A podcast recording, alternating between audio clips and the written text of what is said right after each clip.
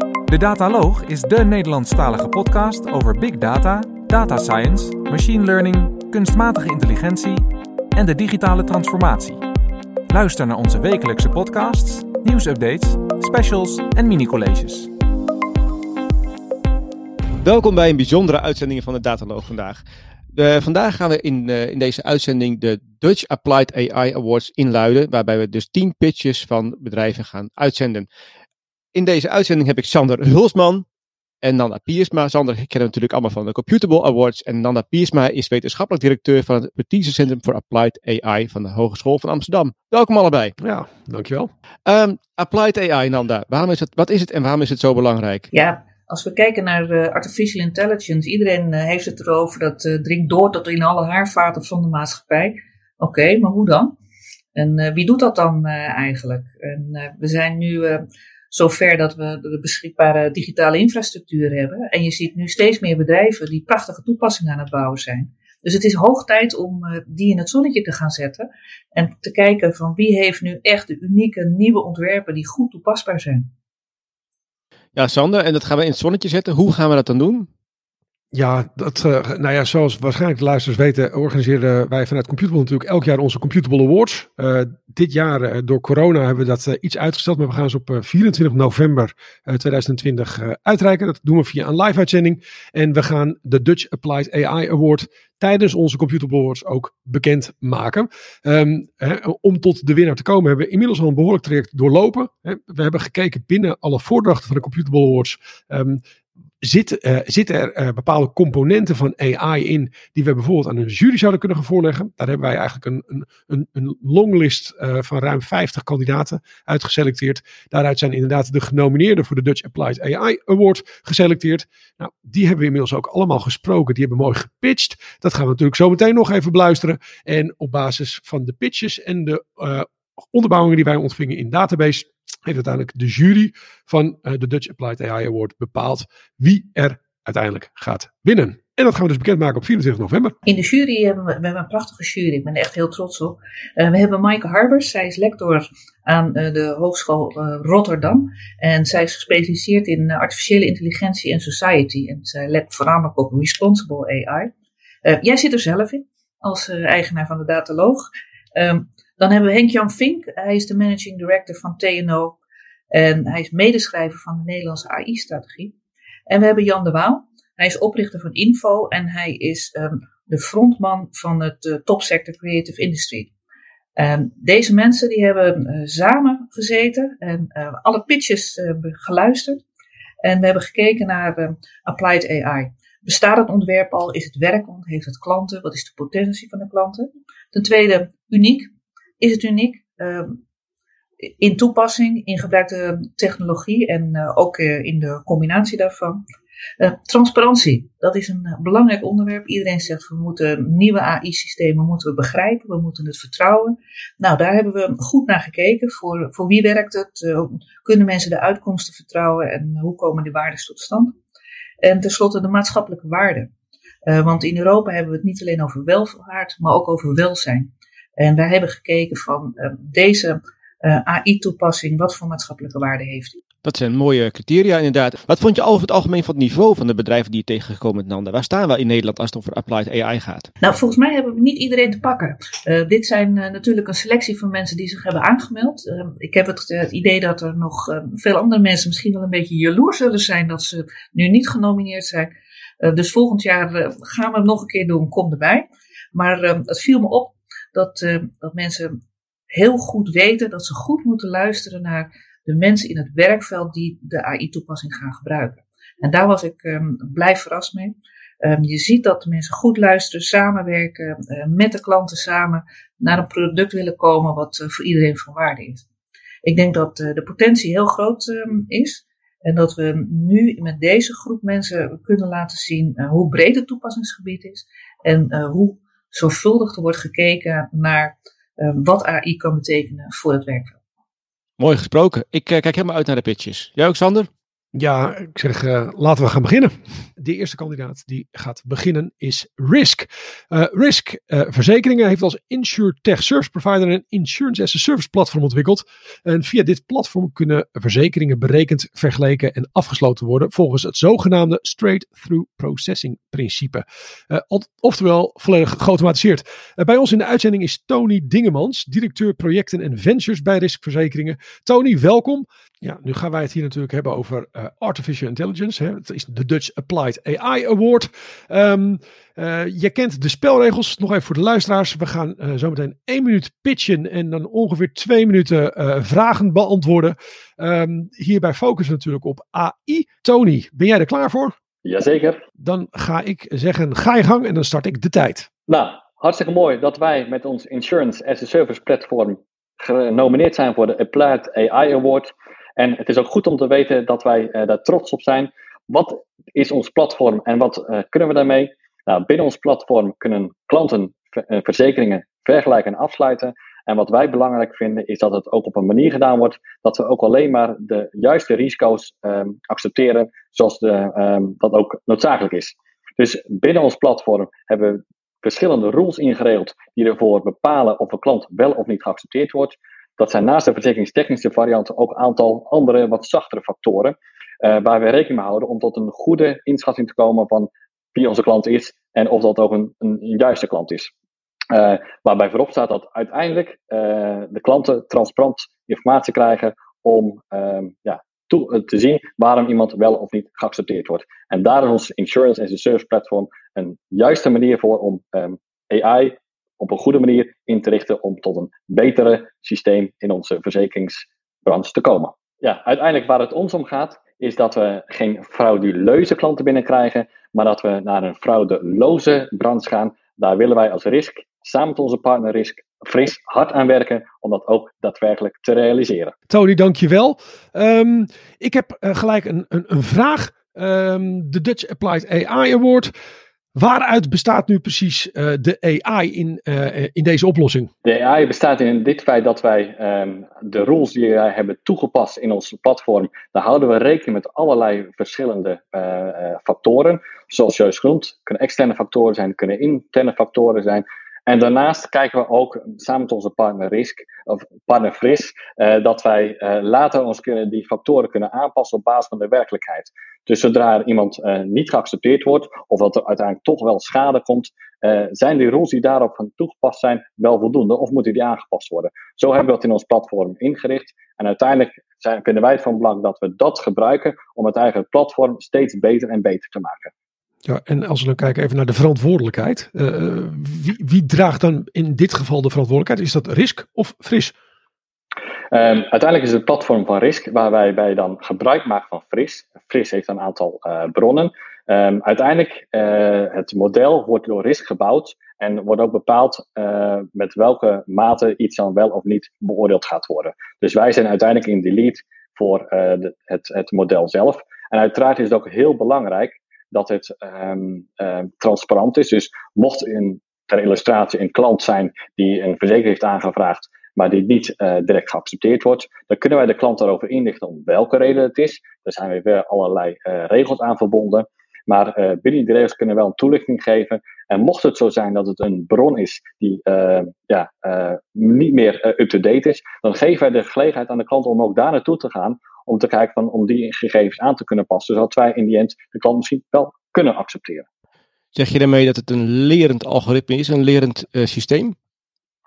Inderdaad, het is een systeem die continu ontwikkelt. Dus we hebben een aantal statische informatie, we hebben externe bronnen. Uiteindelijk uh, is het ook goed om die bronnen iedere keer te herijken. Dus zoals we juist aangeven, samen met onze partner Fris, kunnen wij een analyse doen op basis van hetgeen wat uh, in het verleden misschien wel ingeregeld is, maar wat ook weer aan kunnen passen aan de praktijk van deze dag. En dat is wat wij zo belangrijk vinden aan het model. En ook waarom het impact heeft. Want juist deze week was in het nieuws dat uh, verzekeraars steeds harder strijden om um, de fraude tegen te gaan. En daarom hebben wij ook dit systeem zo ontwikkeld dat wij willen voorkomen dat er mensen zijn die op een frauduleuze manier uh, verzekering aanvragen. Maar uiteindelijk is ons doel om ons platform zo te gebruiken dat we een fraudeloze branche gaan. Laatste vraag van mijn kant dan nog. Hè. We zien natuurlijk in die hele tijd nu dat de algoritmes een loopje nemen met de werkelijkheid. Dat je in de fuik komt. Is zo'n systeem niet heel gevoelig voor ook het, het, het, weigeren van mensen en in problemen brengen van, van, van mensen als je je door algoritmes laat toetsen? Nou, dat is eigenlijk wat ik juist eraan heb. We zijn ook transparant in. Dus mochten er dingen zijn die uiteindelijk toch niet correct zijn, dan kan de klant daar ook um, ja, op, op acteren. En dan, kunnen we, dan, dan moeten wij ook zeg maar, daarop acteren en daar uh, met de klant in gesprek gaan. Dus uh, uiteindelijk um, um, is dat het ook zeg maar, de toegevoegde waarde van ons platform, dat we die gelegenheid geven. dus wij geloven uiteindelijk niet in dat, dat door een, systeem mensen totaal afgewezen gaan worden. Het kan natuurlijk wel zijn dat je afgewezen wordt, maar dat het wel om een daadwerkelijk juiste reden is, omdat er in het verleden fraude en zo geweest is. En dat is ook onze rol als verzekeraar, uh, als Insurtech Service Provider, om dat ook zo te blijven doen. Tony Dingemans, dankjewel voor je toelichting uh, in deze categorie. We gaan door naar de volgende kandidaat en dat is een tech-startup en wel te weten Dear Health. Aan de lijn hebben wij Daan Hommers, algemeen directeur van Dear Health. Maar voordat ik jou Daan het woord geef voor de pitch, natuurlijk eventjes de korte introductie. Want Dear Health is een bedrijf dat is opgericht in het hart van een complex gezondheidssysteem um, door senior medische experts met robuuste ervaring in zeer complexe en dure zorg en die dit probleem willen gaan oplossen. AI-gedreven zorgpadtechnologie levert met behulp van deep learning um, realiseert betere gezondheidsresultaten, lagere kosten en verbeterde ervaringen. Klinkt goed, Daan. Ik zou zeggen, ga je gang. Dank jullie wel. En, uh, zoals gezegd, Daan Hommes, achtergrond medisch specialist. En ik geef momenteel leiding aan het bedrijf Dear Health. Dit bedrijf zijn we een aantal jaren geleden vanuit het ziekenhuis gestart. Met een groep gepassioneerde zorgverleners die het hoog tijd vonden dat er meer gebruik werd gemaakt van datagestuurde zorg. Want het grote probleem in de dagelijkse kliniek is het voortdurend bijhouden van een steeds grotere hoeveelheid bruikbare data dit te verwerken tot betrouwbare informatie en vervolgens toe te passen bij de patiënt die voor je neus zit. Het aantal behandelingsvormen en soorten medicatie, met name voor de meer complexe ziekten zoals kanker, is enorm gestegen. Dus het goed combineren van al die data met ons brein is nauwelijks meer dan mogelijk. Laat staan als je wachtkamer vol zit met patiënten met ieder hun eigen unieke omstandigheid. Nou, hoe hebben wij dit opgelost? Op het Dear Health platform hebben wij onze dagelijkse zorgverlening direct gekoppeld aan een ziektespecifiek datamodel. Dat is ontworpen om risico's op ziektecomplicaties te vermijden. De input zijn risicoparameters, bijvoorbeeld tumormarkers. En de output zijn aanbevelingen voor het zorgpad van de patiënt. En deze aanbeveling kan de arts nalezen voordat hij of zij ze accepteert of verwerpt. En alles is daarmee volledig transparant. We zijn ons avontuur in 2011 begonnen met aanvankelijk gescheiden trajecten van enerzijds zorgpadtechnologie en anderzijds machine learning op hele grote datasets. Maar recent hebben we dit aan elkaar weten te knopen en is ons platform bovendien heel goed geïntegreerd met EPD's, elektronisch patiëntendossiers, waar de dokters en patiënten uh, mee, mee werken. We zijn al enige tijd in productie bij een aantal ziekenhuizen en hebben in totaal al een kleine 2000 patiënten kunnen helpen via deze beslissingsondersteuning. We hebben bijvoorbeeld al laten zien dat het platform ziektespecifieke opvlamming tot 47% kan verlagen. Met een 76% daling van ziekenhuisopnames en de daaraan gekoppelde kostenverlaging. Waarom zijn wij nu uniek? Nou, veel bedrijven gebruiken AI bij de analyse van hele grote hoeveelheden data. Maar wat mist is de directe toepassing bij bijvoorbeeld mevrouw Jansen op een drukke maandagochtend in de spreekkamer. Dat is het unieke van Dear Health. Wij zijn er om een gezondere wereld te maken. Te beginnen met mensen die geveld zijn door chronische ziekten zoals darmziekte, nierziekte, epilepsie en ook bijvoorbeeld kanker. Wetende dat met dit type AI de zorgwinst over tijd nog significant kan verbeteren, zijn we, denk ik, op de goede weg. Erg mooi, dankjewel Daan Hommers. En ik heb, ik heb gelijk uh, een vraag. Uh, de toegevoegde waarde van jullie AI voor uh, de, de patiënt is, is duidelijk. Maar wat is nou de toegevoegde waarde van die AI voor de arts? dat hij niet meer al die data hoeft te consolideren en bij elkaar te zoeken en te analyseren. En dan weer te kijken of dat wel of niet van toepassing is voor, voor deze mevrouw Jansen. Ik zal je een voorbeeld geven. Toen ik werd opgeleid als arts, toen was er maar één behandeling voor een bepaald type longkanker. Dat zijn er nu 17. He, dus dat zijn zoveel datapunten. En als dan je wachtkamer vol zit met, met 25 mevrouw uh, Janssens op een, op een maandagochtend, dan kun je nagaan dat dat soort combinaties vaak heel erg moeilijk om nog door, door, door een, een, één dokter te laten doen.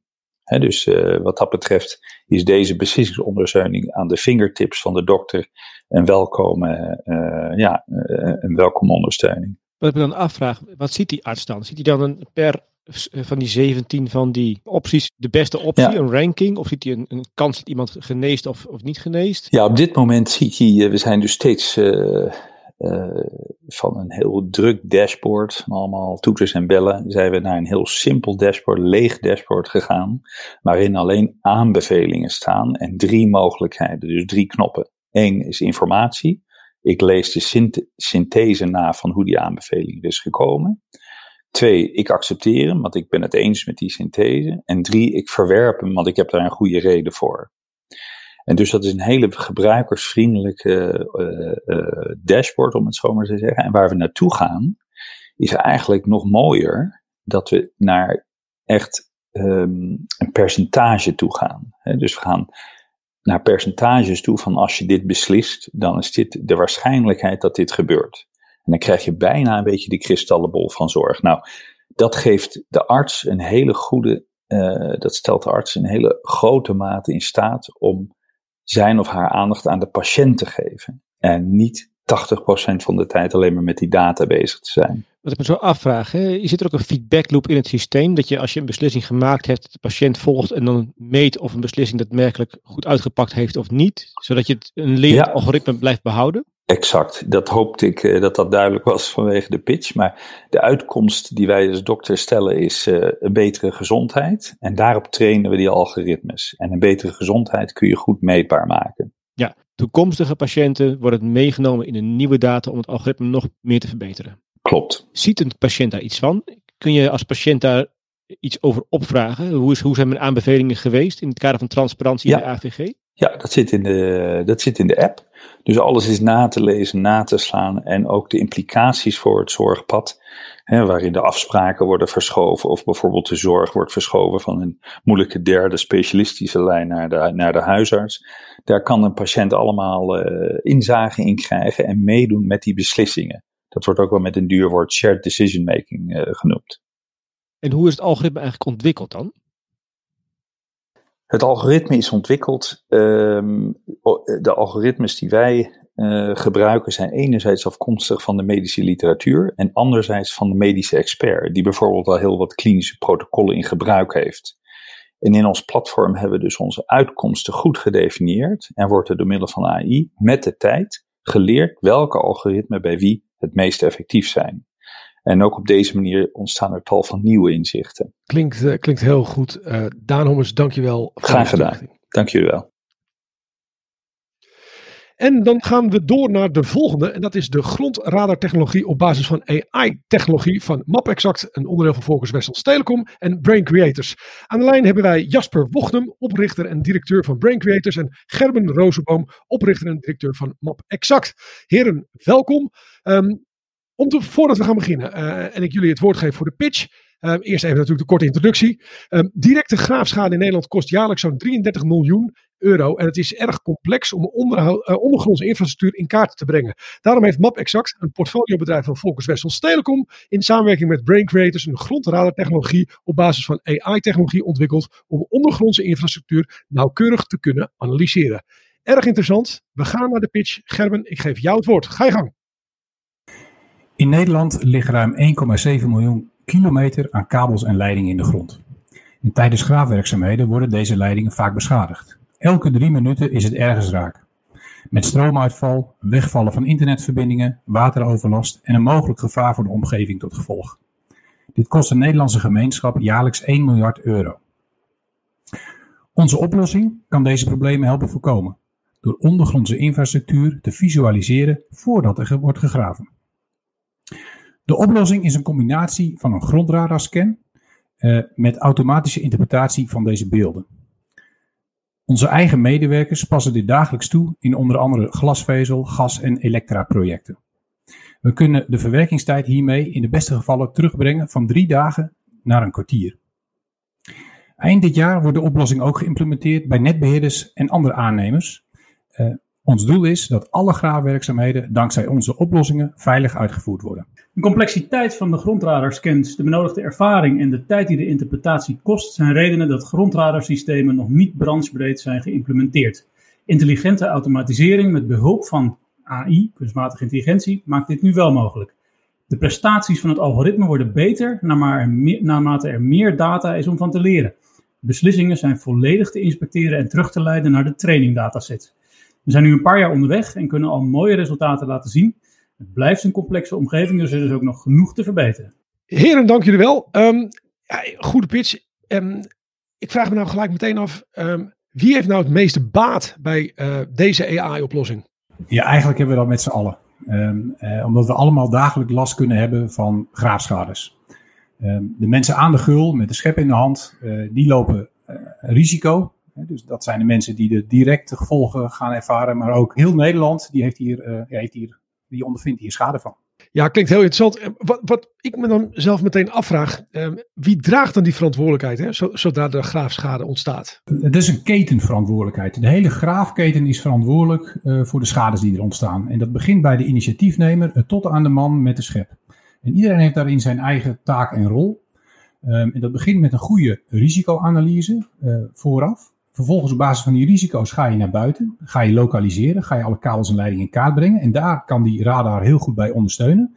En op basis van die risicoanalyse met die radar geef je aan van waar je nog daadwerkelijk de grond in gaat met een echte proefsleuf. En, en, en die radar met die, met die AI-tooling, die helpt zeg maar om, om dat proces sneller in te richten. Uh, en om meer te kunnen doen en om veiliger te kunnen werken. Een van de dingen die natuurlijk eh, speelt in het hele AI-gebeuren is, is transparantie. In hoeverre kun je terug herleiden naar de beslissingen die genomen zijn als, ik, uh, als je graafschade maakt? Je kunt precies terugzien waar het model heeft bedacht, of waar de AI heeft bedacht, dat er kabels en pijpen onder de grond liggen. Dus op het moment dat je toch iets raakt, kun je terugzien op uh, welke data het machine learning model zijn beslissing gebaseerd heeft. Dus je kunt altijd terug naar het besluitmoment. Uh, heb je een fout, heb je een verkeerd besluit, wat we een false positive of false negative noemen in onze taal, dan moet je dus gaan achterhalen waarom die ontstaan zijn. En die, die reden zit hem niet in de complexiteit van het algoritme. Die reden zit hem in de data waaruit je het algoritme geleerd hebt. Um, even een heel concreet voorbeeld. Hè. Als je een, machine leert om, uh, om katten en honden te herkennen en je laat hem 100 honden zien en één kat, dan gaat hij waarschijnlijk heel goed honden herkennen en heel slecht katten herkennen. Dit is een beetje hetzelfde als je een bepaald ondergronds fenomeen ondervertegenwoordigd hebt. Is de kans dat hij daar iets gaat missen een stuk groter. Dus om te achterhalen waarom je model doet wat het doet, ga je terug naar je dataset en ga je kijken of die goed genoeg is. Hoe zit het met de acceptatie van algoritmes en hoe heb je het algoritme zo ingericht dat het daadwerkelijk geaccepteerd wordt door, je, door de klanten? Uh, nou, uiteindelijk is het ook hoe je het positioneert. Uh, dus als je het positioneert als iets wat volledig jouw werk gaat overnemen, dan wordt het meestal niet zo positief ontvangen. Maar dat is een misverstand over AI. AI is er niet om je werk over te nemen. Het gaat nooit zo goed worden als de menselijke expert met zijn 40 jaar ervaring misschien. Uh, je moet het meer zien als iemand die begint als trainee en snel bijleert en op een gegeven moment goed genoeg wordt om de taak zelfstandig uit te voeren. Maar altijd nog onder een soort supervisie van iemand die er echt ruime ervaring mee heeft. En zo moet je dit dus ook zien. Uh, het is dus een ondersteuning, iemand die de bulk van het werk van je overneemt om je te helpen, waarbij de moeilijke besluiten aan jou als expert blijven. En zo blijf je ook in je rol. Dus je hebt meer tijd om meer te kunnen doen, terwijl de machine een hele hoop van de taken die je de hele tijd herhalend doet, van je over kan nemen. Dus in die zin is het een assistent en niet zozeer een bedreiging. Jasper Wochnum, uh, oprichter, directeur Brain Creators en Gerben Roosboom, oprichter, directeur van Map Exact. Dank jullie wel voor jullie input. En we gaan door naar de volgende, en dat is Access to Radio. Uh, bij ons uh, in de studio Richard Otto, partner van Access to Radio, en Sebastian Paschaar, technisch partner of CTO van Access to Radio, dat onderdeel is van Access to Audio. Uh, voordat we beginnen, heren, de Hilversumse tech-startup Access to Radio heeft een platform gelanceerd waarmee nieuws, special interest en vakmedia-uitgevers hun radiostation kunnen starten. Met het Access to Radio platform hebben uitgevers de mogelijkheid om met hun bestaande content een radiostation op te zetten om hun doelgroep op andere momenten te kunnen bereiken. Klinkt interessant. Uh, we gaan het hier hebben over AI. Jullie kennen de spelregels. Um, ik ga het woord geven aan Richard. Uh, Richard, uh, de pitch is voor jou. Uh, Extra Radio is een uitgebreid text-to-speech platform, voornamelijk voor uitgevers, maar ook voor overheidsinstellingen, omroepen, organisaties en organisaties met, met een newsroom. we bieden die partijen tools en de mogelijkheid om met hun bestaande textuele content, om die om te zetten naar audio met soundscaping. Uh, en met ons platform kunnen eigenlijk uitgevers en andere mediamakers eenvoudig en tegen zeer lage kosten een nieuw mediakanaal uh, opzetten. Om een doelgroepen ook op andere momenten te bereiken. Als je kijkt op AI zijn er eigenlijk drie lagen waar wij ons mee bezighouden. We doen onder andere gebruiken de, de, de AI van derden. We gebruiken speech engines van partijen als ReadSpeaker, WaveNet, AWS Polly van Amazon, Watson en Azure van Microsoft. Uh, maar ook andere kunnen toegevoegd worden, uh, geïmplementeerd worden. Uh, en we gebruiken voornamelijk neural voices. Dat zijn stemmen die tot stand zijn gekomen door AI.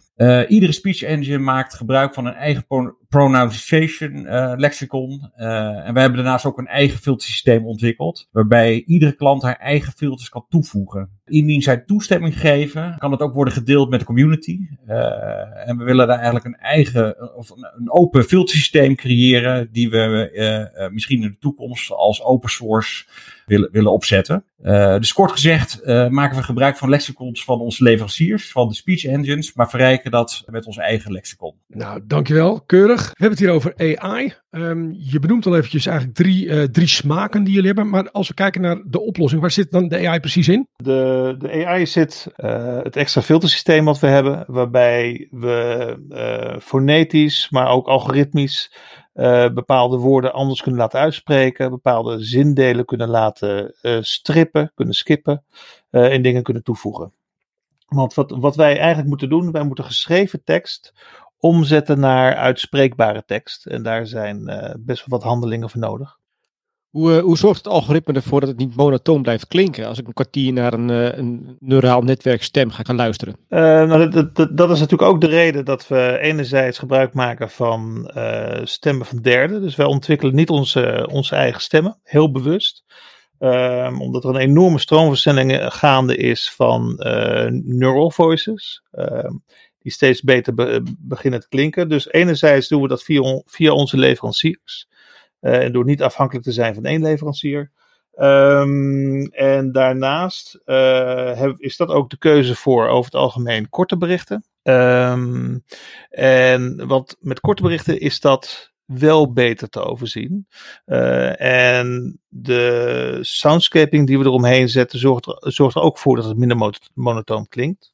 En als laatste laag is het weer die filterlaag, waarbij we uh, met uh, best wel interessante trucjes ervoor kunnen zorgen dat juist de pauzes die je niet zou willen hebben in geschreven tekst, die komen juist heel erg van pas in uh, uitgesproken, uitgesproken tekst. Dus er zijn manieren voor om dat te verbeteren. Een van de ontwikkelingen in, in AI-land is transparantie en non-biased AI. Ik kan me voorstellen dat een robotstem heel typisch als de witte man of de witte vrouw klinkt. Hoe zorg je ervoor dat je daar ook mee omgaat. Dat je ethisch verantwoord in je, je stemmen omgaat. Nou, ook, ook daar uh, komt weer het, uh, het gebruik van uh, derde partijen goed van pas.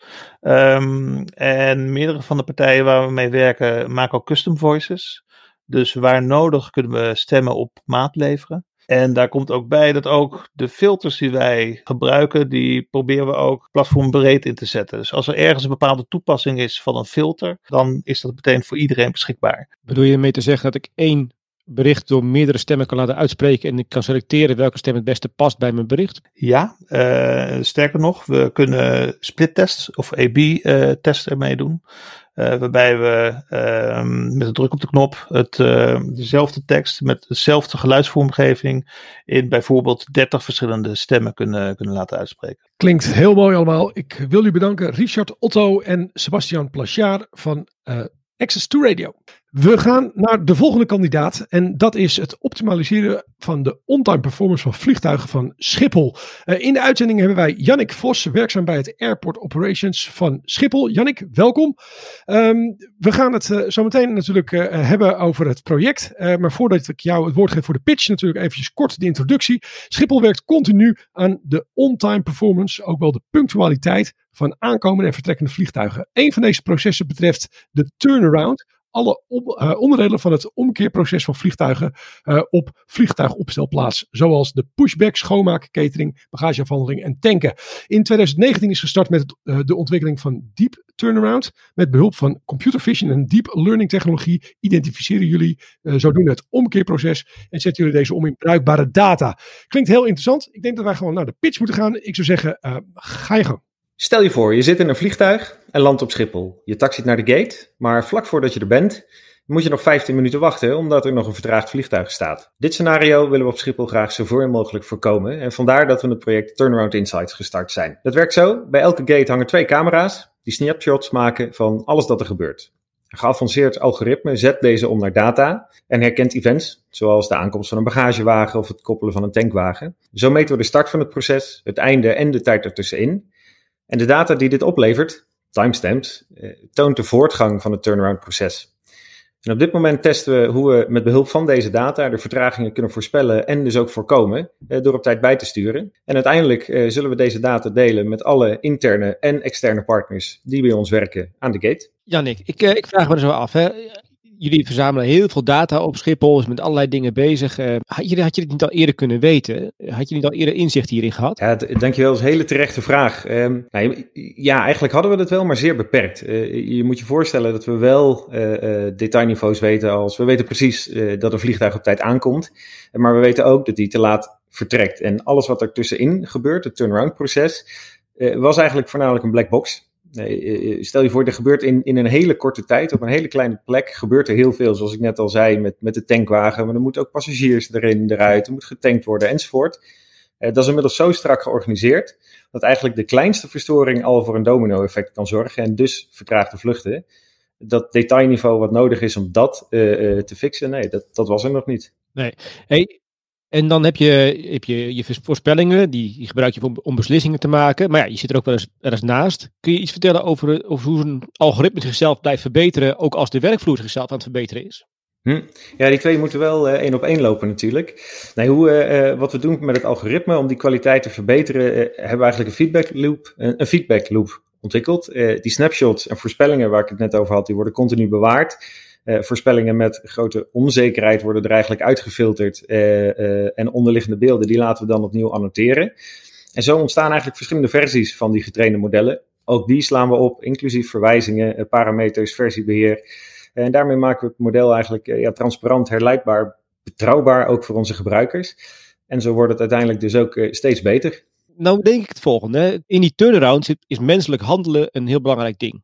Uh, hoe ga je nou voorkomen dat je als algoritme dat die misbruikt gaat worden voor het aanwijzen van schuldigen in die turnaround? Van ja, door jou komt de vertraging nu. En dat mensen daar zichzelf bekeken voelen door zo'n algoritme. Ja, dat is een hele terechte vraag. Want daar lopen wij, daar lopen we natuurlijk ook wel tegenaan. Um, Kijk, wat, wat voor ons de bedoeling is, is puur om uh, een gesprek aan te kunnen met iedereen om te laten zien wat er gebeurt. Uh, het is vooral, kijk, al die partijen die samenwerken op die VOP, ja, die moeten samenwerken. Uh, niemand heeft er een belang bij, ook zeker wij niet, om schuldigen aan te wijzen. We willen gewoon graag weten wat er gebeurt, zodat we met elkaar in gesprek kunnen, hoe kunnen we dat verbeteren.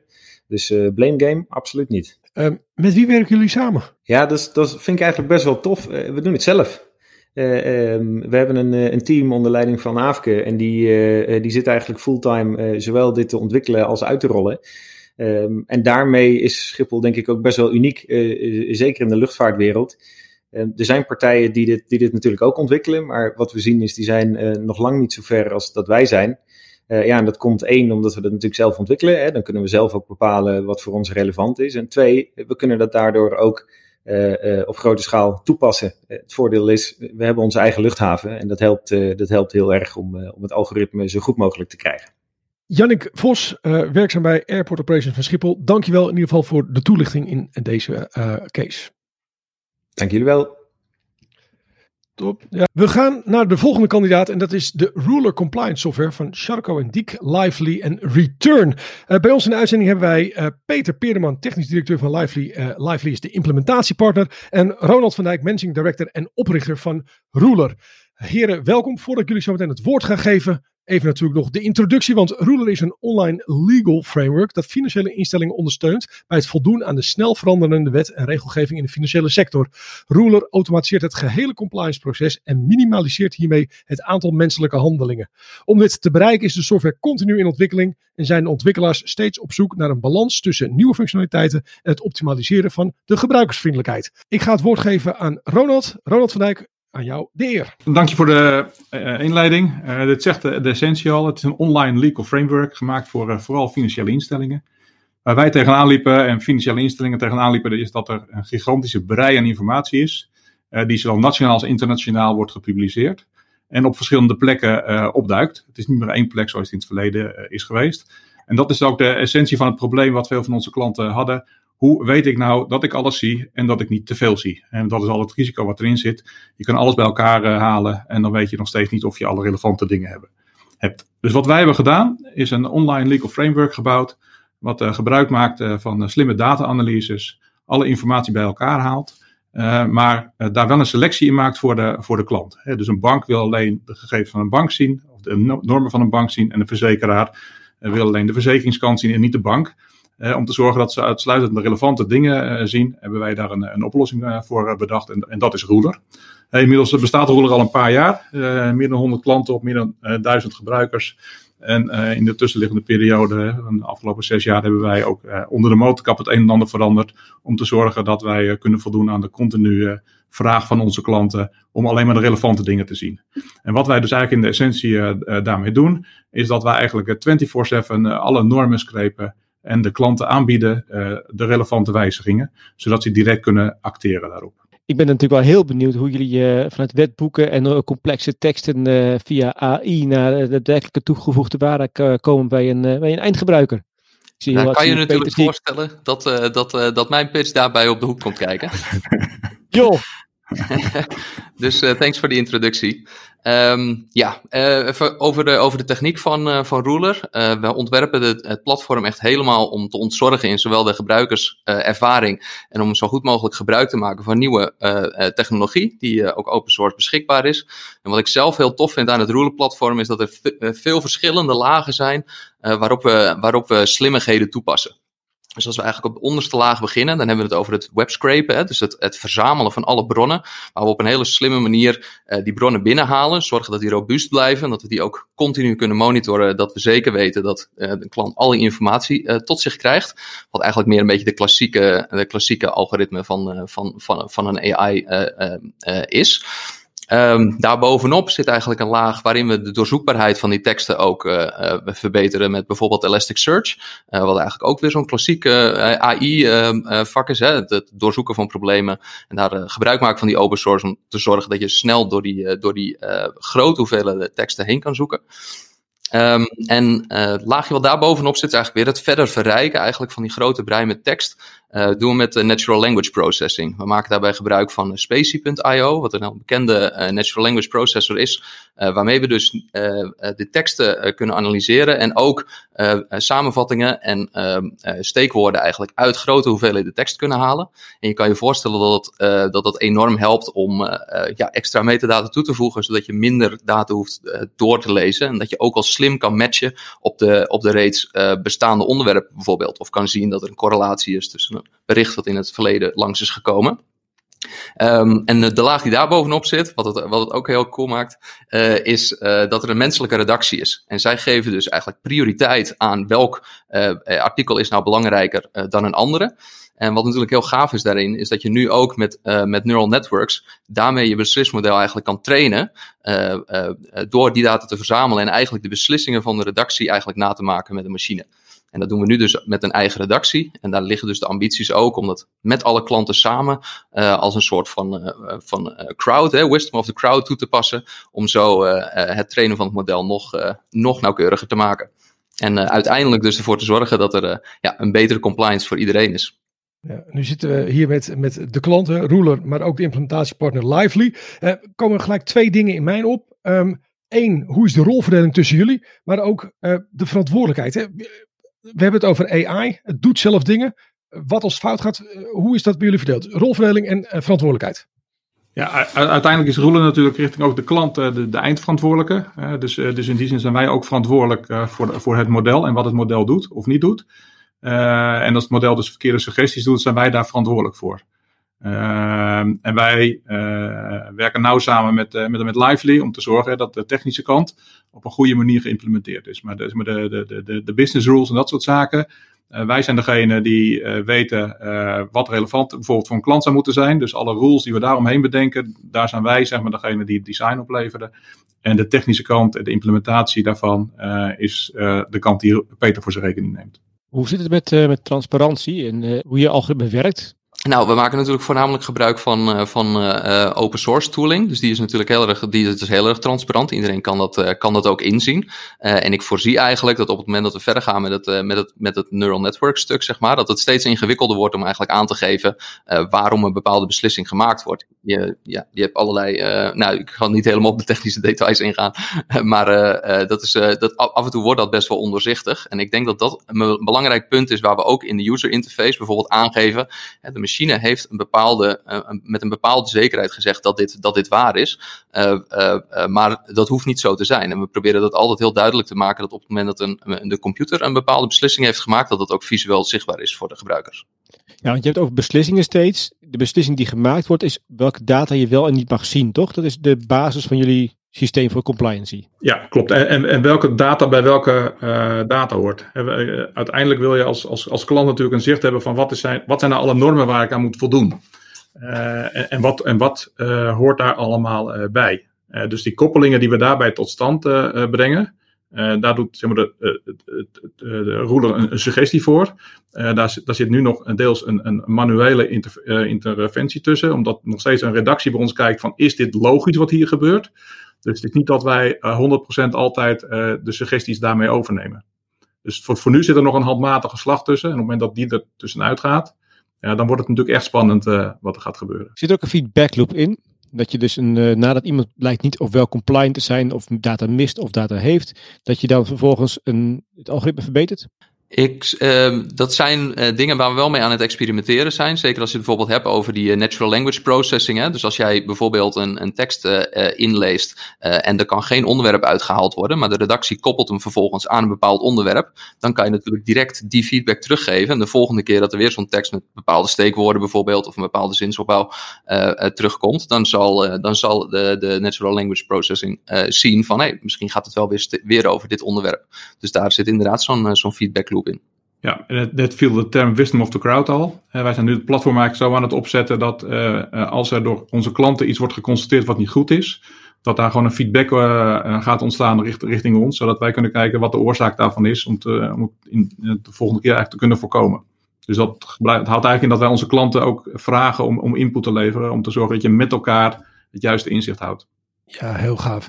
Uh, heren, dank jullie wel voor deze bijdrage. Peter Peerman van Lively en Ronald van Dijk van Roeler. Dan gaan we naar de volgende kandidaat en dat is Polpo. Aan de lijn hebben wij Johan van Zanen, co-founder van Polpo. Johan, welkom. Voordat ik jou het woord gegeven natuurlijk eventjes de korte introductie. Want Polpo is een Nederlandse start-up die is opgericht in 2017 en heeft tot doel om hoogwaardig en laagdrempelig inzicht te bieden in politieke informatie. Polpo brengt zijn passie voor politiek samen met de nieuwste ontwikkelingen rondom kunstmatige intelligentie. Um, het volgt relevante politieke informatiestromen en biedt statistisch inzicht in stakeholderactiviteit en trendmatige ontwikkeling van politieke thema's. Klinkt heel mooi. Johan, ik denk dat ik jou gewoon het woord ga geven. Ga je gang. Als Popo hebben we een politieke monitor ontwikkeld met daarin kunstmatige intelligentie. Met ons platform ondersteunen wij honderden belangenbehartigers in het volgen van politieke informatie binnen zowel het publieke, private als ook het non-profit domein. Elke dag komt er namelijk een grote berg aan documenten uit Politiek Den Haag. Voorheen moest je hier handmatig of via simpele zoeksystemen doorheen. Met Popo hoeft het dus niet meer. Ons algoritme analyseert real-time alle politieke informatiestromen en levert gebruikers helemaal geautomatiseerd de relevante documenten aan. Poppengebruikers kunnen zelf instellen op basis van welke criteria zij het algoritme willen laten zoeken. Zo is het altijd transparant waarom zij bepaalde informatie wel of niet ontvangen. Door ons platform besparen belangenbehartigers dus een hoop tijd. Waardevolle tijd die nu ingezet kan worden voor strategiebepaling en het nog beter kunnen behartigen van de belangen van hun achterban. Dankjewel, Johan. Um, Ja, klinkt goed. Uh, een algoritme dat uh, ook nog uh, te bedienen is voor de gebruiker zelf. Als we even kijken naar het AI-component. Hoe innovatief is, is de AI dan bij jullie? Ja, we hebben um, een heel nieuw component ingebouwd. Um, je ziet het ook nog niet heel veel in de markt. Wat we hebben gedaan is namelijk een algoritme ontwikkeld die politieke context kan herkennen. Nou, dus dat, dat, dat klinkt nog eventjes raar. Maar hoe het eigenlijk werkt, is dat als je bijvoorbeeld een ambiguë term hebt als emissie, dan is het in de context van klimaat is het heel iets anders dan in de context van financiën. En je kan dat eigenlijk, door alleen maar die term kan je niet zien in welke context die valt. Dus je krijgt heel veel ruis. En wat wij dus hebben gedaan, is een algoritme getraind, wat dus door de tekst heen gaat en zegt van, hé, hey, dit valt in die context en dit valt in die context.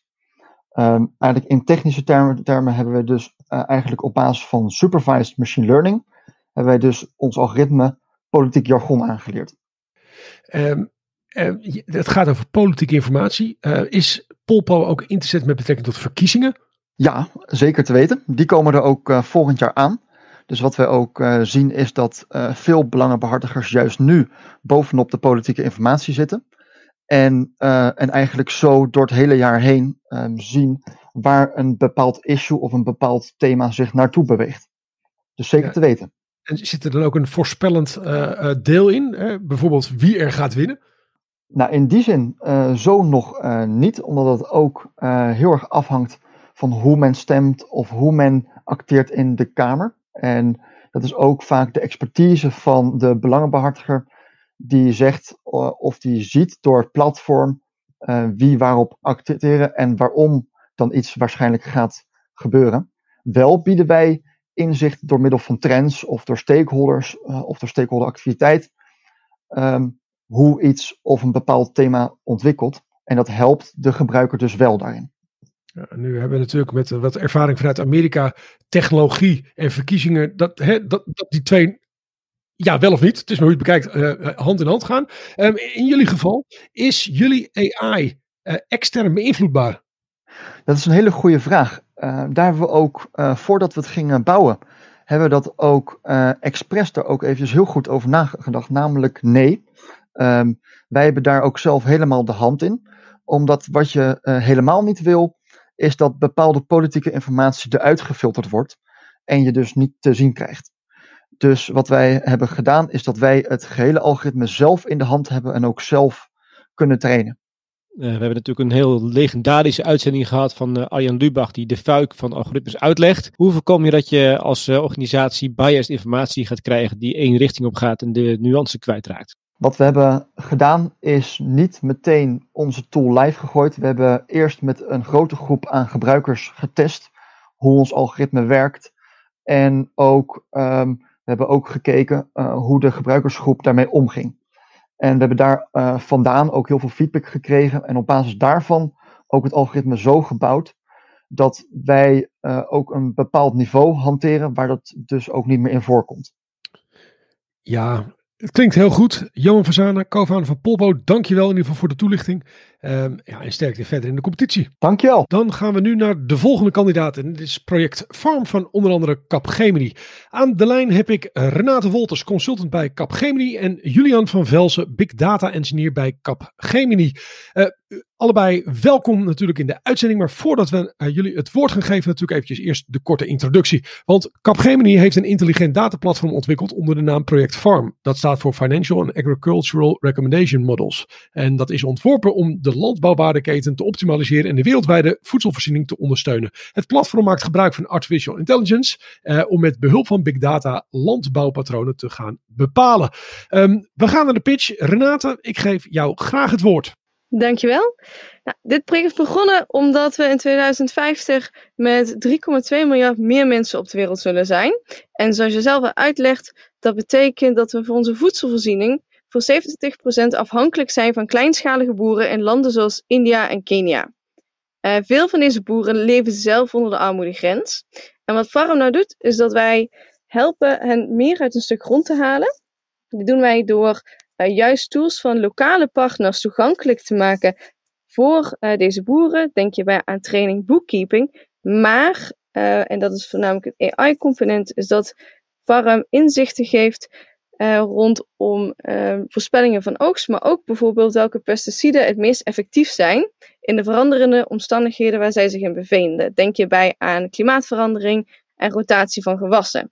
Deze inzichten zorgen er niet alleen voor dat uh, ze makkelijker meer inzicht hebben in een farm, maar ook voor makkelijker toegang tot financiering. Zo worden de kleinschalige boeren ondernemers en werken we dus ook samen aan een productie, efficiënte productie van onze voedsel. Ja, dat klinkt heel mooi. En uh, uh, de case straalt natuurlijk aan alle kanten uh, maatschappelijke verantwoordelijkheid uit. Maar als we dan eventjes kijken naar de AI. Hoe draagt de AI dan positief bij aan deze maatschappij? Um, binnen dit project is een van de grootste problemen is dat deze boeren niet de informatievoorziening krijgen die ze nodig hebben. en de reden waarom ze dat niet krijgen is omdat, omdat de, de, de de tools er niet voor beschikbaar zijn. We hebben iets nodig, uh, een uh, AI-techniek nodig die uh, data destilleert en specialiseert en klaarmaakt voor boeren zoals zij die nodig hebben. en niet alleen voor boeren, ook voor andere partners in het ecosysteem. Doordat wij overal stukken AI kunnen gebruiken om bijvoorbeeld de omheining van een boerenveld te, te identificeren, om te identificeren wat voor gewassen het zijn, om te identificeren hoeveel oogst er verwacht kan worden, kunnen we die boeren helpen, zodat ze uiteindelijk een beter leven van krijgen. Nu is dit een internationaal project, um, maar is het ook specifiek vanuit Nederland geïnitieerd? Um, als we even kijken naar de AI, wat is er dan vanuit Nederland op AI-vlak ondernomen? Um, wij van, van Capgemini zijn natuurlijk geen boeren. Wat wij, waar wij goed in zijn is uh, data-analyse, data engineering en AI-models. Uh, binnen ons netwerk hebben we, hebben we uh, kennis van, van weermodellen, van bijvoorbeeld uh, Weather Company van IBM. we hebben toegang tot Watson AI-modellen van IBM. we hebben toegang tot, tot allerlei cloud- en, en data-infrastructuur die we kunnen gebruiken vanuit onze expertise hier in Nederland om boeren wereldwijd te kunnen helpen. Hoe hebben jullie de toegevoegde waarde van de AI inzichtelijk gemaakt? um, inzichtelijk gemaakt. Dus een van de kernpunten is dat we samenwerken met lokale partners uh, die in direct contact staan met die boeren. Uh, dus wij helpen deze partijen om, om, om beter hun werk te kunnen doen en die boeren beter te kunnen helpen. AI alle AI-modellen die we maken zijn altijd gebruikt om betere beslissingen voor hun te kunnen maken. Dus wat een van de kernpunten is, is dat, dat de data van de boer blijft. En dat de beslissingen die er gemaakt kunnen worden aan de hand van onze AI-modellen, uh, eh, de, de, de mensen waar het om gaat, kan helpen om betere beslissingen te maken. Dus het is nooit dat, dat een AI-model uh, eh, alles overneemt. Het is de, de modellen die uh, de mensen die, waar het om gaat, helpt om betere beslissingen te maken. Nu worden er natuurlijk beslissingen genomen door de boer. Zij zijn verantwoordelijk voor hun eigen beslissing, maar jullie zorgen voor het AI-model. Um, ehm, als we dan even kijken naar verantwoordelijkheid, wie is er dan verantwoordelijk voor de AI? Ja, dat is een heel goede vraag.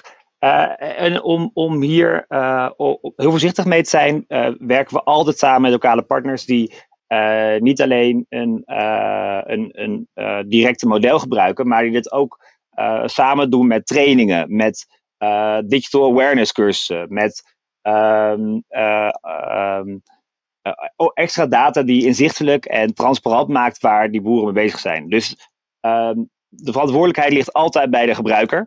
Um, uh, want een NDR-model op zichzelf kan natuurlijk nooit, uh, kan nooit direct leidend zijn. Uh, en daarom is het vanaf het beginpunt kern van ons project geweest om die lokale partners te blijven vertrouwen.